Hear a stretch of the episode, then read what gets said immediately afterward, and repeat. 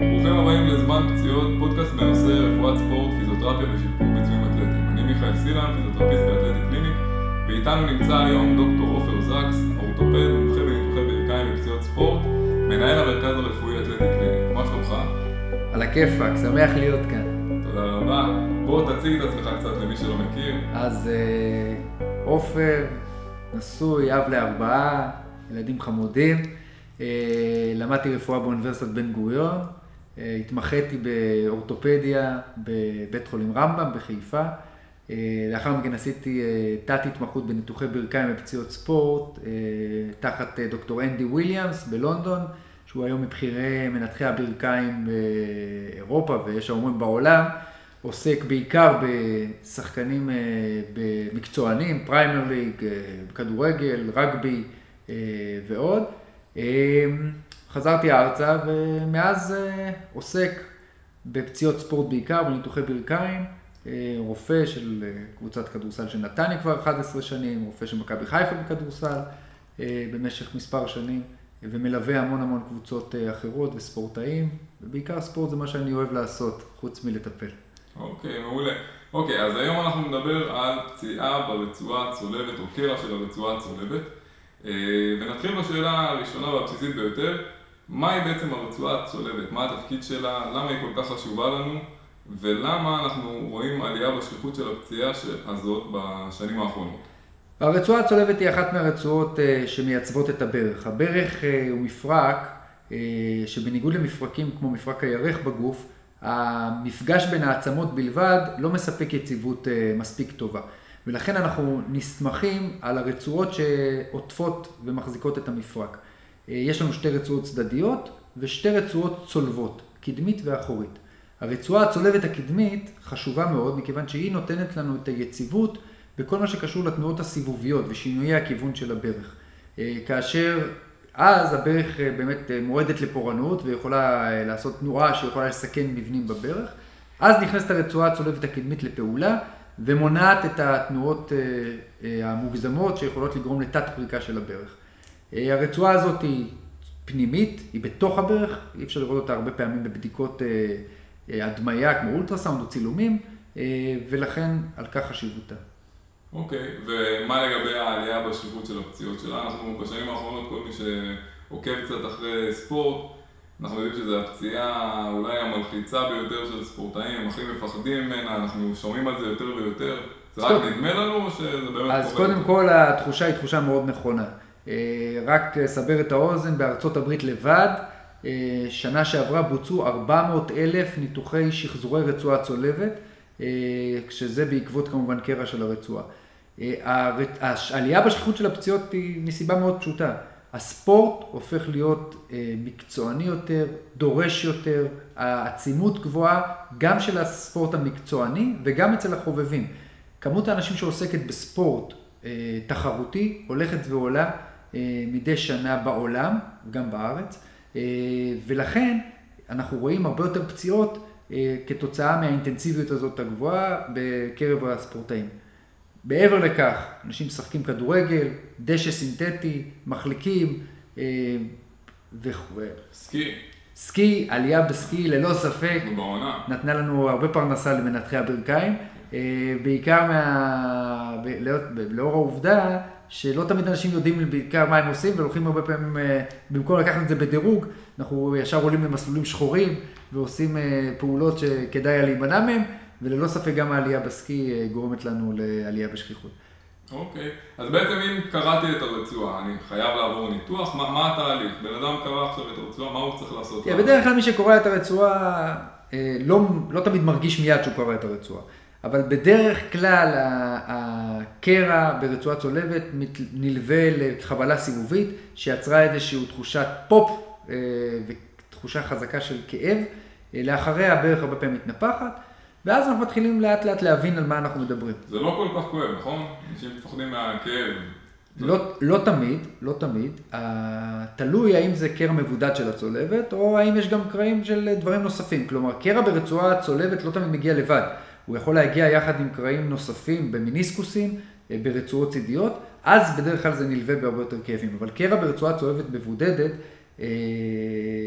לא תמיד באמת תגרום לכאבים. זה מזכיר לי באמת סיפור, בזמנו שהייתי רופא של מכבי חיפה בכדורסל, היה לנו שחקן, אחד השחקנים שאחרי זה שיחק במכבי תל אביב, קראו לו אייק אופייבו. ובאותו משחק אה, שאייק נפצע, אה, לא יכולתי להגיע, עבדתי ברמב"ם באותו לילה, ושלחתי את אחד החבר'ה הצעירים יותר שיחפה עליי במשחק, והוא עשה איזה חבלה סיבובית לברך, ובגלל שהיה לחץ של משחקים באותו שבוע, אמרו לי, תשמע, תבדוק את אייק היום, דחוף, בלילה, יגיע אליך לרמב"ם, תראה אותו. והוא מגיע ונכנס אה, אליי למשרד, בהליכה, מבסוט, כי אנחנו מדברים על חבלה שקרתה שעתיים קודם לכן, כן? נפיחות קטנה בברך, לא משהו שהוא מאוד דרמטי. הייתי משוכנע שהוא עשה רק איזה מתיחה כלשהי, אבל בגלל האינטנסיביות, בגלל שבכל זאת היה לו איזה קצת חופש בברך, שלחתי אותו ל-MRI, קרע מלא ברצועה הצלבת, נותח. זה שדרג לו את הקריירה, כן? הוא אחרי זה עבר למכבי תל אביב עם כסף הרבה יותר גדול, אז יכול להיות שדווקא קרע ברצועה הצולבת זה לא משהו כל כך גבוה. אוקיי. אז בעצם בן אדם שקורע את הרצועה מרגיש איזשהו פופ הרבה פעמים, לא תמיד זה מלווה בכאב גדול, ואז הוא בדרך כלל פונה הוא פונה לאורתופד, אנחנו בדרך כלל מתחילים כמובן בבירור ראשוני, אם זה הגיע למיון אז רק צילומים. חבר'ה, MRI לא עושים במיונים, לא להילחץ, בדרך כלל עושים בירור ראשוני לראות שאין איזה שבר, אה, ושולחים להמשך בירור אה, במסגרת הקהילה. אה, ואז אנחנו צריכים לראות, האם באמת המטופל סובל מכאבים או מחוסר יציבות. קרע בצולבת לרוב ייתן סימפטום של חוסר יציבות. המטופל, הפצוע מתאר שהברך בורחת, הוא לא סומך על הברך. זה הסימפטום הקלאסי שאם מישהו יושב אצלי בלי לבדוק אותו אפילו, אומר לי, תשמע, אני לא סומך על הברך שלי, אז זה הנורה הראשונה שצריכה להבהב, קרע ברצועה צולבת. במידה ויש גם פגיעה במיניסקוס, יכול להיות שזה באמת ילווה לכאב ונפיחות ותפליט בברך. אבל במידה באמת זה מתפתח, אנחנו שולחים מיד ל-MRI כדי לאבחן את הפגיעה. זה הדרך היחידה לאבחן פגיעה ברצועה צולבת. ההדמיה היחידה שיכולה להראות לנו אה, קרע ברצועה צולבת היא בדיקת MRI. אוקיי, ואז השלב הבא זה בעצם לעשות ניתוח. השלב הבא זה לחשוב עם המטופל לאן אנחנו הולכים. לא כולם בהכרח יצטרכו ניתוח לשחזור רצועה צולבת. אתה יודע, יש את המונח אה, שבוודאי אה, בקרב אה, פיזיותרפיסטים יותר נפוץ, זה קופרס ונון קופרס. קופרס זה בעצם מטופלים, אותם מטופלים, אותם ספורטאים שיכולים להסתדר עם טיפול שמרני ללא ניתוח ולחזור לתחום ספורט שלהם. כמובן שזה תלוי בכמה דברים, אחד, זה צריכה להיות פגיעה מבודדת ברצועה, הם צריכים להיות ללא כאבים, ללא תפליט, וגם מאוד תלוי גם מה סוג הספורט שהם עוסקים. יש לי מספר שחקני כדורסל, אה, ליגה לאומית ומטה, שמשחקים בדרך כלל עמדות 4-5, שהצליחו להסתדר ולחזור לפעילות מלאה, כולל משחק מלא, בלי לעשות אה, שחזור של הרצועה. לצערי זה לא הרוב, ולצערי לא תמיד גם אנחנו יודעים בצורה מדויקת וחד משמעית להגיד, זה מטופל שמתאים אה, לטיפול שמרני ברצועה הצולבת. זאת אומרת, אין לנו עדיין מדדים טובים כדי להחליט האם הבן אדם הוא יכול אה, להצליח לעשות שיקום שמרני. חד משמעי, ולכן בדרך כלל מה שאני אומר למטופלים כאלה שמעלים בפניי את האופציה, או פיזיותרפיסט שמעלה בפניי יחד עם מטופל את האופציה, אני אף פעם לא נגד. אני אומר לו, תנסה. הצלחת, אתה רואה שזה מתקדם טוב, אתה והפיזיותרפיסט שמלווה אותך, אתם רואים שאתם מתקדמים טוב, אתה מצליח לחזור לפעילות, אתה מצליח לבצע שינויי כיוון, יש שם מה לדבר. אבל צריך לקחת בחשבון את הסיכונים הנלווים. כלומר, אה, ספורטאי שמבצע פעילות ספורטיבית, ספורטיבית אינטנסיבית בעצימות גבוהה, בלי רצועה צולבת, צריך לקחת בחשבון שני דברים. אחד, לא תמיד מה שהוא מצליח לבצע באולם התרגול, זה מה שיקרה גם על המגרש. על המגרש, הראש, הפרופורצפציה, כלומר אותה תחושת שליטה בברך אה, או התמצאות הברך במרחב תיפגע כי הוא יהיה עסוק בלראות את המגרש, בלהסתכל על הקהל, בלהקשיב למאמן, בלחפש את השחקן הפנוי, ואז תנועה אחת לא טובה עם הברך, גם אם הוא עשה שיקום נהדר, יכול להיות שבאותה נקודת זמן הברך תכשול. והנקודה היותר חשובה מבחינתי, היא שבמידה והברך כשלה ללא רצועה צולבת, יש לנו יותר סיכון באחוזים גבוהים של פגמים סחוסיים שיקרו כתוצאה מתתי פריקות של הברך, וקרעים במיניסקוסים, כאשר הקרעים במיניסקוסים הם לרוב יותר מורכבים. כלומר, אדם בלי רצועה צולבת יבצע קרע מורכב יותר במיניסקוס מאשר אדם עם רצועה צולבת שעשה את אותה תנועה סיבובית וקורע את המיניסקוס, ולזה יש משמעויות. אוקיי, okay, מעולה. אז בעצם אנחנו מסכמים ואומרים שאפשר יש אחוז מאוד קטן של אנשים, שאנחנו לא תמיד יודעים לזהות אותם, אבל יש תנאים כמו למשל רצועה, קרע רצועה מבודד, זאת אומרת ללא קרעים במיניסקוסים או ברצועות הנוספות, ללא נפיחות, ללא כאבים, עם כוח מסוים התחלתי שהם יכולים לנסות להתחיל שיקום שמרני, אבל לרוב יצטרכו ניתוח ומי שמתחיל שיקום שמרני צריך לקחת בחשבון שיש לו סיכון לחוות בריחה של הברך שעלולה לגרום לו לנזק במיניסקוסים או בסחוס המפרקי. נכון, ולגבי שאלה אחת שתמיד אני נשאל, כן. האם זה מעלה את הסיכון לשחיקת סחוס בעתיד, אם אני לא מנתח?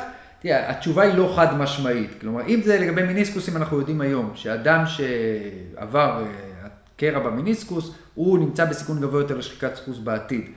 קרע בצולבת, יש היום עבודות שמראות שבין 30 אחוז ל-25 אחוז יש עלייה בשכיחות של שחיקת סחוס בגיל מבוגר יותר, באדם שחי ללא רצועה צולבת, אבל זה עדיין לא מספיק מחקרים שנעשו בנושא. וזה שחיקת סחוס מאובחנת מבחינת הדמיה או מבחינה קלינית? הדמייתית, אוקיי. לעיתים זה גם הופך להיות קלינית, ואז אנחנו מדברים על מטופלים, ואנחנו מדברים על גילאי ה-50-60, שיצטרכו אולי לעבור החלפת ברך כתוצאה מהפציעה שקרתה להם בגיל 20. רק נקודה חשובה נוספת שצריך לקחת בחשבון לגבי טיפול שמרני מול טיפול ניתוחי, לגבי מועמדים. נשים הן הרבה יותר פגיעות מבחינת הרצועה הצולבת מאשר גברים. יש נתון מאוד מעניין שמראה שהסבירות של נשים לספורטאיות לחוות קרע ברצועה הצולבת היא פי ארבע וחצי יותר גבוהה מאשר גברים, בגלל מספר גורמים. אחד, מבני, יש להם ציר ברך שהוא שונה, הוא קצת רגלי X לעומת רגלי O אצל הגברים, קוראים לזה ולגוס. הנוטש, החלק שבו הרצועות הצולבות עוברות בתוך הברך, הוא צר יותר מאשר גברים. ביומכניקת הנחיתה שלהם והקפיצה שלהם שונה, ולכן אם יושבת לידי שחקנית כדורסל, שחקנית כדורגל עם קרע ברצועה צולבת, הסבירות שהיא תסתדר עם טיפול שמרני הוא נמוך יותר מאשר גבר, ואת זה גם צריך לקחת בחשבון. אוקיי, מעולה. מה, בן אדם החליט שהוא רוצה לעבור את הניתוח, מה הזמן האידיאלי כדי לעבור ניתוח, האם מיד מנתחים, אנחנו לפעמים שומעים על ספורטאים שזה, ויום אחרי זה רואים אותם ב...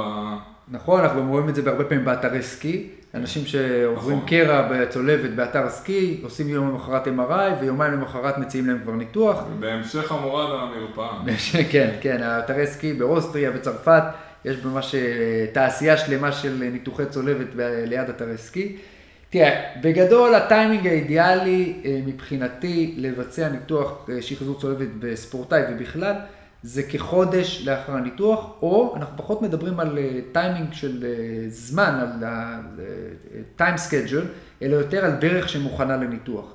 אנחנו צריכים לקרר את הברך, ברך שקטה, כלומר ללא תפליט, טווחים עד כמה שאפשר מלאים, קצת להתחיל לחזק. אז כחודש, חודש וחצי אחרי הפציעה, זה הזמן שבו אני בדרך כלל מנתח את המטופלים. למה?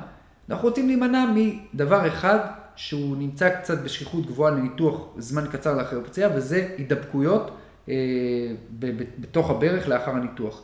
יש פה מספר ספורטאים שאני מכיר בארץ שעברו ניתוחים טווח קצר מאוד לאחר פציעה, בין יום לשבועיים, ולאחר מכן, כתוצאה מאותה תגובה דלקתית שעדיין קיימת בברך, היו להם הידבקויות, וזה דורש, זה לא סוף העולם, אבל זה יכול לעכב את השיקום, לדרוש ניתוח חוזר, ארתרוסקופיה, במהלך התקופת שיקום כדי לנקות את ההידבקויות, וזה יכול גם בסופו של דבר להגביל את הפעילות בסוף התהליך. לכן, טיימינג אידיאלי, חודש, חודש וחצי אחרי, ברך שקטה, נרוץ על זה. ברך שקטה, שוב, אני רק מסכם. ברך שקטה, ללא תפליט, טווחים, זה נפיחות. נפיחות, כן. נוזלים, מים בברך, מים בברך. טווחים עד כמה שיותר טובים ומלאים, ואז אנחנו מוכנים לניתוח. אוקיי. מוכן לניתוח, הספורטאי מוכן לניתוח, איך בוחרים איזה שתל לקחת? יש הרבה דברים היום, שתל חיצוני, שתל... אז קודם כל באמת חשוב לציין. נכון, יש היום מגוון רחב. גם חשוב לציין שאנחנו בעיקר היום משחזרים את הרצועה הצולבת. רצועה צולבת שנקרעת היא בלתי ניתנת לתיקון אחר באופן איכותי וטוב, אלא לרוב אנחנו משחזרים את הרצועה. עכשיו, באמת, מאיפה לוקחים את אותו גיד או משהו אחר שאנחנו רוצים ממנו להפוך, במקרה זה גידים. יש ארבעה מקורות עיקריים. אחד, זה שתל hamstrings. שתל hamstrings, גידי hamstrings, לוקחים שני גידים, semitendinosus ו gracilis, אה, הופכים אותם בעצם לרצועה הצולבת החדשה. זה השתל הנפוץ ביותר היום לשימוש בעולם. אה, בסקר אחרון שעשו באסקה, בקרב המנתחי, המנתחי ברכיים האירופאי, באיגוד של מנתחי הברכיים האירופאי, ראו שקרוב ל-80% מהמנתחים משתמשים בשתל המסטרינגס. למה הוא טוב? אז הוא טוב כי אפשר לקפל אותו על עצמו כמה פעמים, להגיע לשתל אה, בכוח טוב ובאיכות טובה. אם אנחנו מדברים על כוח, אנחנו מודדים כוח בניוטונים, כן? הצולבת הטבעית שלנו, הכוח שלה הוא סביב 2200 ניוטון. שתל hamstring שמכינים אותו בצורה טובה יכול להגיע לכוח של 4,000 ניוטון. כך שניתן להגיע באמת לשתל מספיק חזק. אז זה אופציה מספר 1. החיסרון שלו שאנחנו לוקחים בסופו של דבר שני גידים משרירי ה hamstring, זה על אף שכל המחקרים הביומכניים שנעשו כמעט ולא נמצאה איזושהי אה, פחיתות בכוח של ה hamstring לאחר הניתוח, ראו איזשהו באמת שינוי קצת בביומכניקת הנחיתה והקפיצה, כוח הקפיצה המתפרץ, אה, שלוש שנים אחרי פציעה באחד המעבוד, באחת העבודות, אבל לרוב זה לא מורגש. Okay. אז אוקיי. שתל hamstring זה אופציה מספר אחת. אופציה מספר 2 זה נקרא BTB, Bone Tendon Bone, שאנחנו לוקחים את זה מגיד הפיקה. היתרון של הגיד הזה זה, זה הגיד הוותיק ביותר, הגולד סטנדרט של שתלים, של אה, רצועה צולבת. היתרון הגדול שלו הוא שיש לנו פה איחוי של עצם לעצם, ולא גיד לעצם. כי אנחנו בניתוח מייצרים תעלות כדי להשתיל את הרצועה החדשה בתוך המפרק. אנחנו צריכים לייצר תעלה בעצם הירך ובעצם השוק, ולהעביר את התעלה בתוך התעלות את השתל החדש בתוך התעלות האלה, ואז בעצם אנחנו בונים על כך שהעצם בתוך התעלות תגדל סביב השתל. ברגע שהשתל מורכב מחתיכות עצם, אנחנו עוזרים בעצם לעצם, ה... העצם שלנו להתאחות בצורה טובה יותר מאשר אה, שתל אחר. החיסרון של גיד אה, פיקה הוא שאנחנו לוקחים בעצם, אנחנו לוקחים עצם מתוך הפיקה, ואנחנו מעלים סיכון לפעמים לשברים בפיקה כתוצאה מלקיחת אותו אה, שתל, וכשליש מהמטופלים שעוברים אה, שתל אה, hamstring, ניתוח עם שתל hamstring, סובלים מכאב ברך, גיד פיקה, סליחה, צודק, כן. גיד פיקה, יסבלו מכאב ברך קדמית. ואת זה אנחנו רוצים למנוע, אנחנו היום, יש עבודות שמראות שאם אנחנו משתמשים בשתל עצם, למלא את החוסרים אה, בפיקה ובעצם השוק של אותו מקומות שמהם לקחנו את השתל, אנחנו מפחיתים את הכאבים לאחר הניתוח וזה יכול להיות על הכיפאק. אוקיי. מה האופציה השלישית והרביעית? אופציה נוספת זה גיד קוואד, אה, זה משהו חדש יחסית, אה, שהתחילו לקחת בשנים האחרונות. גם מגיעים סך הכל כוחות של 2,185 ניוטון, לא רע. אין לנו עדיין מספיק אה, ניסיון ביחס לשתל hamstring ושתל BTB, אה, אה, זאת אומרת שתל גיד פיקה, להראות כמה זה טוב. והשתל האחרון שהשכיחות שלו הולכת ועולה הוא allograft. allograft זה שתל חיצוני, כלומר שתל מבנק רקמות, שזה חוסך לנו בעצם לקחת את הגידים הללו, גם מהפיקה וגם מה hamstring, שזה חוסך לנו כאבים לאחר ניתוח ושיקום יותר מהיר בטווח הקצר.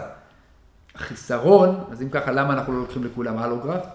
מכיוון שבעבר היה לנו שכיחות מאוד גבוהה של קרעים חוזרים בהלוגרפטים האלה. זה בעיקר נובע מהדרך שבה אותם שתלים עוברים סטריליזציה. כי מה זה הלוגרפט? הלוגרפט זה מישהו נפטר במקום אחד, לקחנו ממנו את הגיד, העברנו אותו, זה תהליך סטריליזציה, והכנו את אותו גיד מוכן להשתלה. בעצם שתל מגופה. שתל מגופה. בעבר עשו את זה עם הקרנה, הקרינו אותם, כדי לחטא אותם, לעבור סטריליזציה, היו עושים הקרנה. ההקרנה החלישה את הגידים ולכן באמת אה, היו עבודות שהראו שזה כמעט 20 אחוז קרע חוזר היו בשתלים הללו. ככל שהטכנולוגיה עברה, טכנולוגיית הסטריליזציה עברה מהקרנה להקפאה, האחוזי אה, קרע חוזר, ירדו בצורה דרמטית. ובאמת היום, תשאל, אמריקאים עושים היום המון הלוגרפטים, המון שתלים חיצוניים, ביחס לאירופאים, כי שם באמת הטכנולוגיה כבר מאוד מתקדמת. אני עושה היום, אני חייב להגיד מהניסיון האישי שלי, שאני הולך באמת סומך יותר ויותר על האלוגרפטים, אה, ובאמת השיקום הוא בטווח הקצר הוא מצוין, אבל צריך לזכור דבר אחד, שהטווח הארוך, השיקום, חזרה ל-return to play, החזרה למגרש, היא ארוכה בחודש. כי אנחנו לא יכולים לסמוך על האינקורפרציה, על הקליטה של השתל הזה אה, בתוך הגוף, אה, כמו שאנחנו יכולים לסמוך על, על שתלים עצמיים, ואני נותן לזה תמיד עוד חודש, אפילו עוד חודשיים, כדי להיות בטוחים אה, שזה קורה, ואם חוזרים מוקדם מדי, אנחנו מעלים את הסיכון לקרע חוזר. בייחוד, צריך להימנע משתל אלוגרף בצעירים. ככל שהגיל צעיר יותר, צריך להימנע מאלוגרף. ככל שהגיל עולה, כלומר 20, 25 ומעלה, אז השכיחות של אלוגרפט הולכת ועולה.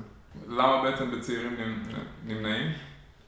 זה מה שהעבודות מראות? העבודות הראו שפי ארבע, בעבודות אחרונות ממש עדכניות שנעשו עכשיו, בדקו קהל גדול שעבר אה, אה, שחזורי צולבת תוך שימוש באלוגרפט, וראו שבגילאי 10 עד 19 הייתה שכיחות של פי ארבע קרעים חוזרים בצולבת במי שהשתמשו לו בשתל אלוגרפט, וככל שעלו בגיל, השכיחות הזאת ירדה בצורה דרמטית. לכן, אה, אתה יודע, בסוף אנחנו מדברים על מה שנקרא evidence-based medicine, להשתמש ברפואה מבוססת עובדות, והעובדות היום תומכות בזה שכדאי להשתמש בשתל הזה, אבל בגילאים מאוחרים יותר, ולא בגילאים צעירים.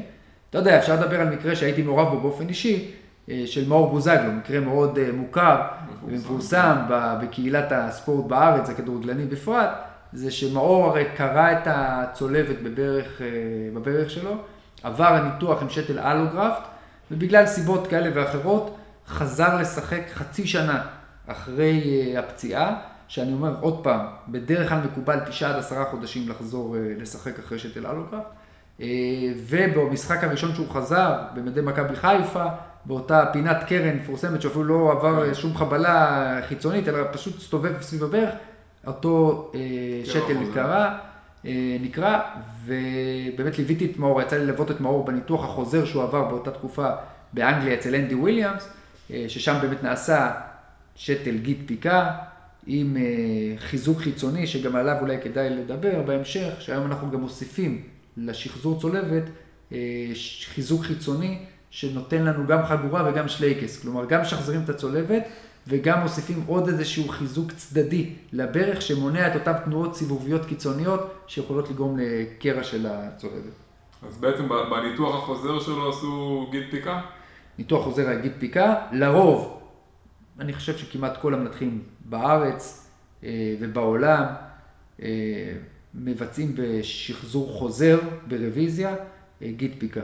כי אתה רוצה, אתה בונה על העצם שתמלא לך את אותם אה, חללים, בתעלות שכבר נעשו, יש לך יותר שליטה על הגודל של השתל. זו אותה תעלה? תלוי. הרי ניתוח רוויזיה יכול להיות כתוצאה מכשל טכני בניתוח הראשון. אז אם התעלה בניתוח הראשון הייתה לא טובה, כן. אז לפעמים אנחנו נדרשים שני ניתוחים. ניתוח ראשון, למלא את התעלה בשתל עצם, ואז ניתוח חוזר, ליצור תעלות חוזרות אה, חדשות לחלוטין. אה, במידה והתעלות היו טובות, אפשר להשתמש באותן תעלות ולא ליצור אה, תעלות חדשות. אבל תמיד ברוויזיה אני מוסיף גם את אותה פרוצדורה צדדית שנקראת למר, שנותנת עוד חיזוק לצולבת ומונעת אה, קרח חוזר. אוקיי, מעולה.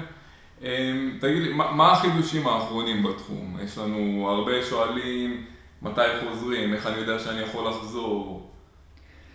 תראה, יש איזשהו שינוי מח... בשנים האחרונות? אז אני מחלק את החידושים, תראה, חידושים אפשר לחלק אותם לשניים, את החידושים הניתוחיים ואת החידושים של המסביב, של השיקום.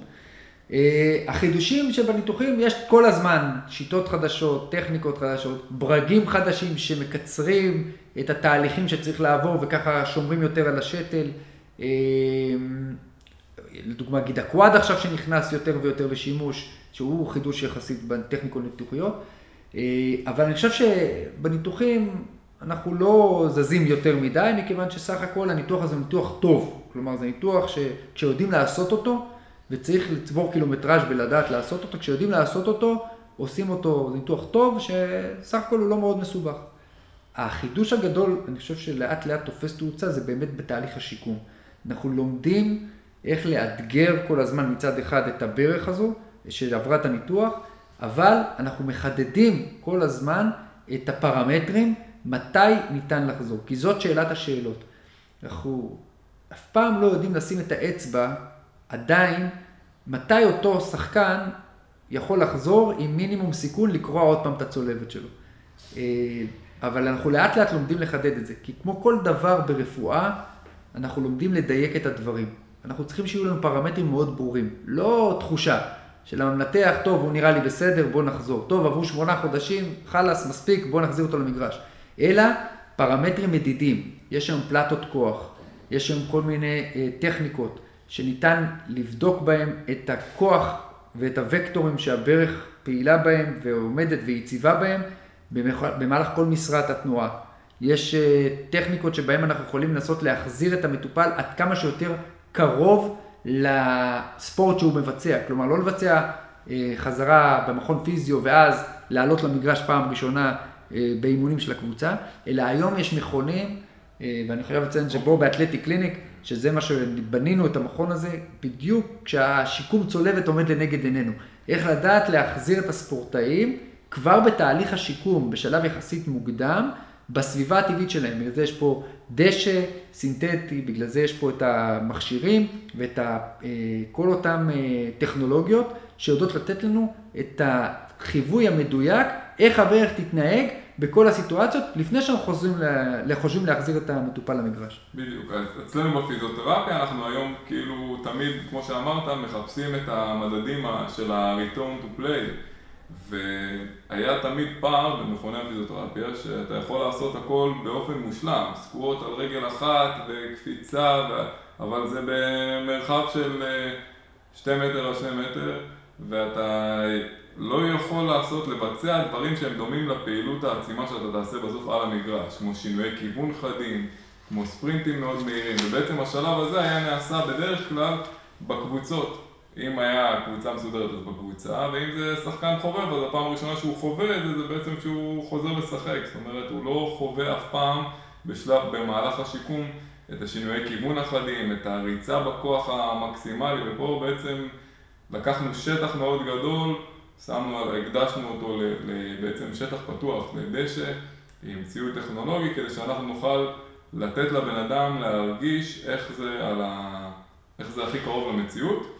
ותוך כדי למדוד את זה בעצם במדדים מדויקים, כמו הפלטת כוח למשל. תראה, אני אומר, יש כל כך הרבה דברים, אנחנו רוצים, כל, ה, כל העולם הופך להיות אה, מדיד, לא רק ברפואה, הכל אנחנו מודדים, מודדים אה, כל מיליליטר, מילימטר, אה, הנדסה, אנחנו, בניין אנחנו בונים מדויק.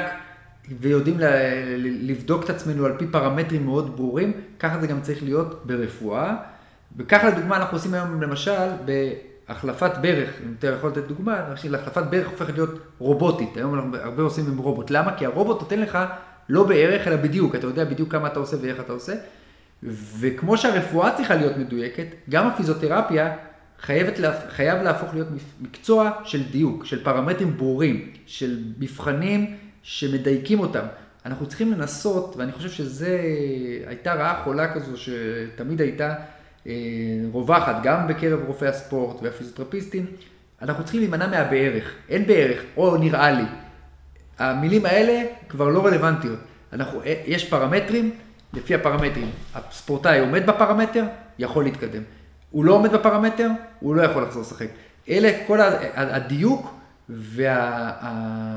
והירידה לפרטים הללו, הם אלה שבסוף יביאו את הספורטאי להיות מצוין. אני תמיד אומר לספורטאים שבאים אליי לעבור את הניתוח, תראו, הניתוח זה החלק הקטן בשיקום. זה תהליך, זה דרך ארוכה, אבל חוזרים מהניתוח הזה ויכולים לחזור, לחזור ממנו מצוין. אתה יודע, בדיוק אה, אה, השבוע, אני, מאז שהייתי אצל אנדי וויליאמס בלונדון, וגם האמת שגם לפני, אני אוהד Premier League, אה, ליגה אנגלית אה, מושבע. בדיוק השבוע, אם תשים לב, ליברפול ניצחו את ווסטהאם 1-0, ווירג'יל ונדייק חגג 60 משחקים ללא הפסד באנפילד מאז שהוא אה, הצטרף לקבוצה. ואם מדברים על וירג'יל, ונדייק זה למשל דוגמה מצוינת לבלם, שהוא, הרבה פעמים חשבו שהוא סופר אנושי, או על אנושי, uh, שבסופו של דבר באמת הייתה צריך עם uh, פציעה מאוד מאוד קשה, נכנס בו ג'ורדן ופיקפורד, השוער של אברטון. נכנס בצורה מאוד מאוד ברוטלית בברך וגרם באמת לקרע מורכב של הצולבת, של הצידית, של הרצועה הצידית, של המיניסקוס, והוא עבר ניתוח אצל אנדי וויליאמס, שעשה לו באמת שתל גם אה, גיד פיקה, ותיקן את הרצועה הצידית, הוא עבר שיקום מאוד ארוך, אבל וירג'יל ונדייק זה דוגמה נהדרת של ספורטאי בעצימות אדירה, משחק גם בליגה האנגלית, שהיא ליגה מאוד מאוד קשוחה. הכי עצימה. עכשיו, היום קראתי במקרה שמדדו את זה, והליגה הכי עצימה בפער, ובגלל זה בליגת האלופות לא עומדים מולם. אז, ו, ו, ו, וגם ליגת אלופות, כן. ועם האינטנסיביות של המשחק, וכמעט לא מפספס משחק ולא יורד מהמגרש, כמעט לא מחליפים אותו, משחק את כל המשחקים, הוא הופך להיות אימת החלוצים, וחזר, אתה יודע, בצורה מפלצתית מהפציעה הזאת, ורק זו צורה שמראה, זה, זה, זה שחקן שמראה שהקרע בצולבת, גם אם זה בהתחלה זה נראה דרמה גדולה, אפשר לחזור ממנו ואפשר לחזור ממנו הרבה יותר טובים ממה ש... ממה שהיית קודם לכן. כן, זו שאלה שהרבה פעמים שואלים אותנו, אני אחזור להיות אה, באותה רמה, אם שווה לו בכלל להיכנס לתהליך הזה, הרבה חושבים על, על אפילו פרישה, או מרגישים לפחות שחרב עליהם עולמה, ויש לנו המון המון דוגמאות של שחקנים שעברו את התהליך הזה מתישהו בקריירה שלהם. והם משחקים ברמות הכי גבוהות. א', אתה יכול לראות בארץ גם את כל השחקנים שעברו צולבות וחזרו לשחק. אתה מדבר על העולם, רוד ואן ניסטלרוי עבר את ה... את הקרע בצולבת וחזר להפציץ, אה, רוי קין, השחקן של מנצ'סטר יונייטד, עבר צולבת וחזר, אה, אלן שירר, עוד לקראת סוף הקריירה שלו בבלקבורן, עשה קרע בצולבת, חזר ונתן איזה 31 אה, שערים אחר כך, וכמעט סיים מלך השערים של הליגה האנגלית.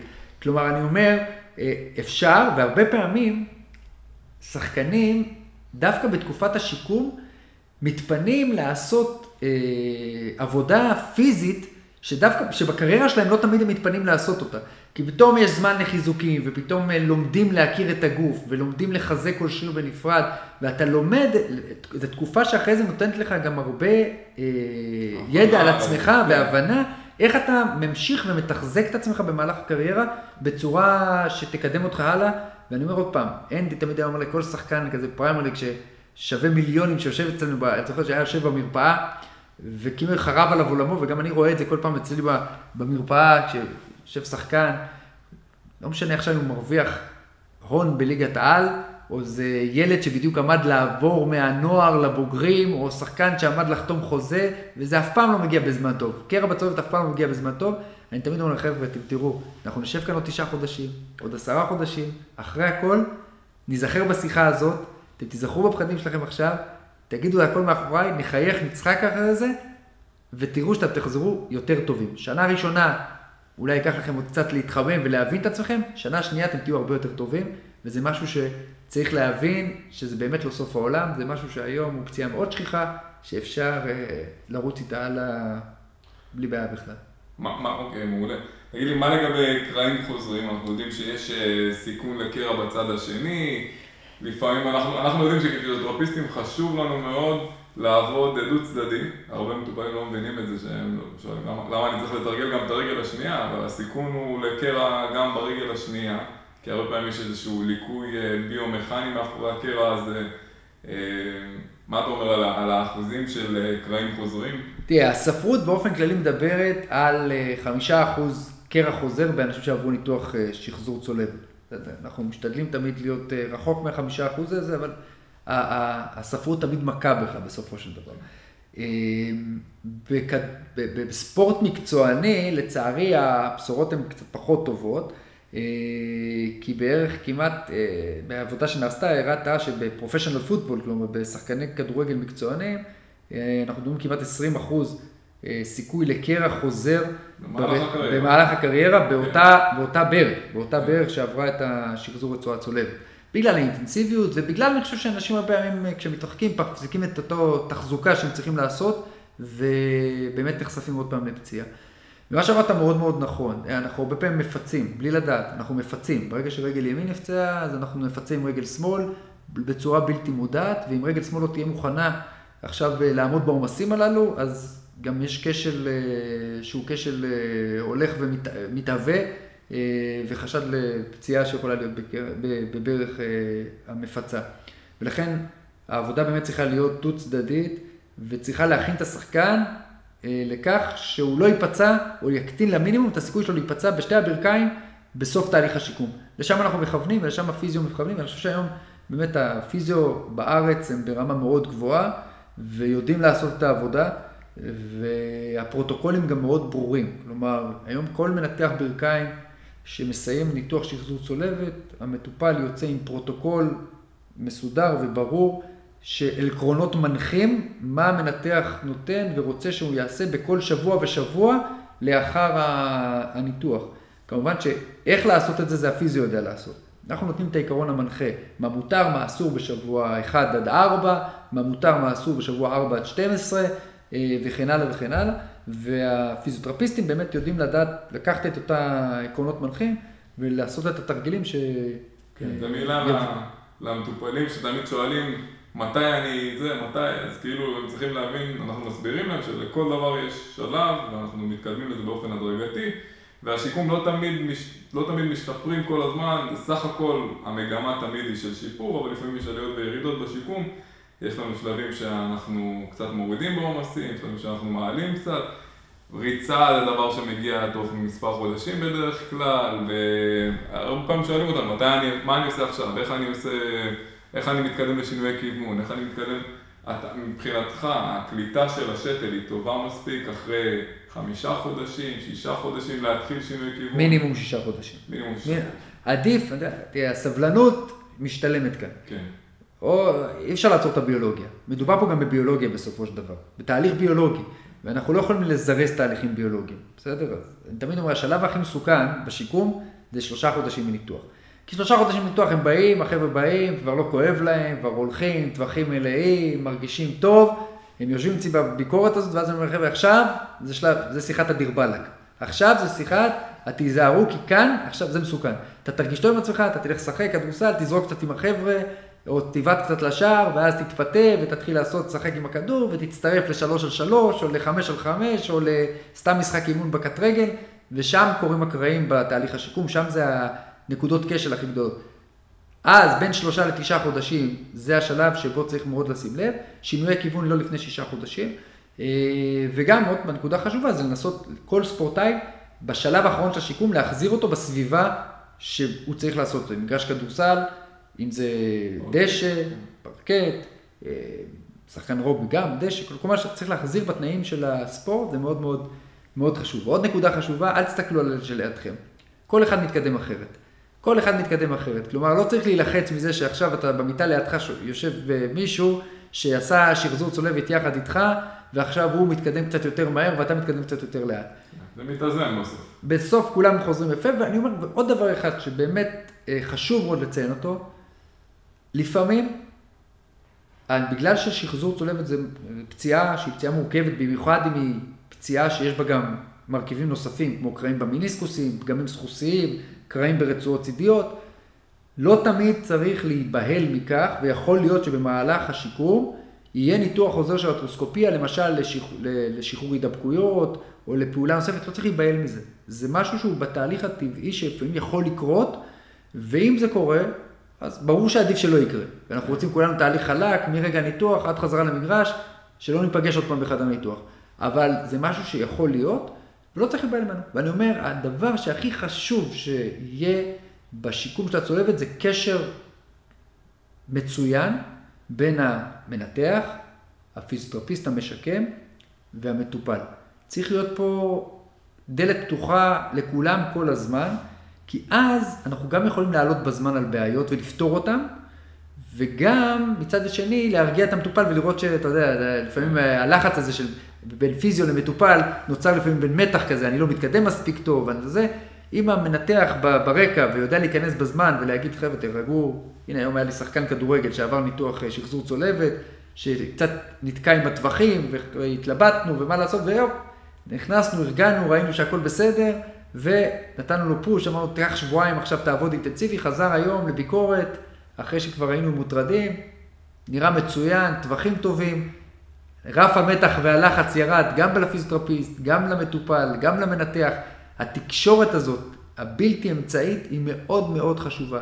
וזה אחת הנקודות שאני אומר הרבה פעמים לאנשים, אה, שואלים אותי, דוקטור, איפה אני אעשה ניתוח? אני אטוס לחו"ל, יש שם את הנטייה לטוס לחו"ל לעשות את הניתוח. זה מצוין, מנתחים בחו"ל אין ספק, יש להם ווליום ענקיים, ניסיונות מצוינים. אבל אני חושב שאנחנו בארץ, מתוך מנתחי הברכיים שאני מכיר, אנשים שיש להם 100, 150 צולבות בשנה, אה, שזה מספרים שהם מספרים מכובדים גם לכל קנה מידה אה, אירופאי, אמריקאי, עולמי.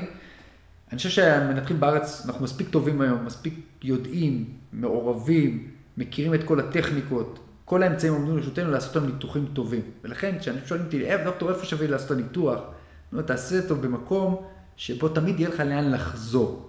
כלומר, תמיד יהיה לך דלת פתוחה לקבל את השאלות, תמיד יהיה לך מקום שבו אתה תוכל אה, להיות במעקב, שיעלו על הבעיות שלך בזמן, שאם הסיכום מתקדם, כי כשאתה עושה את זה בחו"ל, אתה יודע, לפעמים אה, אתה הולך לאיבוד. אנחנו הרבה פעמים רואים את זה גם אצל מנתחים במקומות אחרים. אתה יודע, עושים את הניתוח, המנתח ראה אותו עכשיו שלושה, ארבעה, חמישה חודשים אחרי ניתוח, ופתאום עולים על בעיות באיחור, וזה מעכב את הטיפול ואת השיקום. זה הפרמטר החשוב ביותר. תלך למי שיודע את הניתוח, שמעת עליו, יש לו ווליומים טובים, אבל גם זמין לך, וקרוב לך, וטוב לך, ויש לך תקשורת טובה איתו, ואם הוא משקם, פרמטר מספר אחד להצלחה של ניתוח שחזור צולב. אז תקשורת טובה, זה טיפ נראה לי מצוין ומנצח. אמ,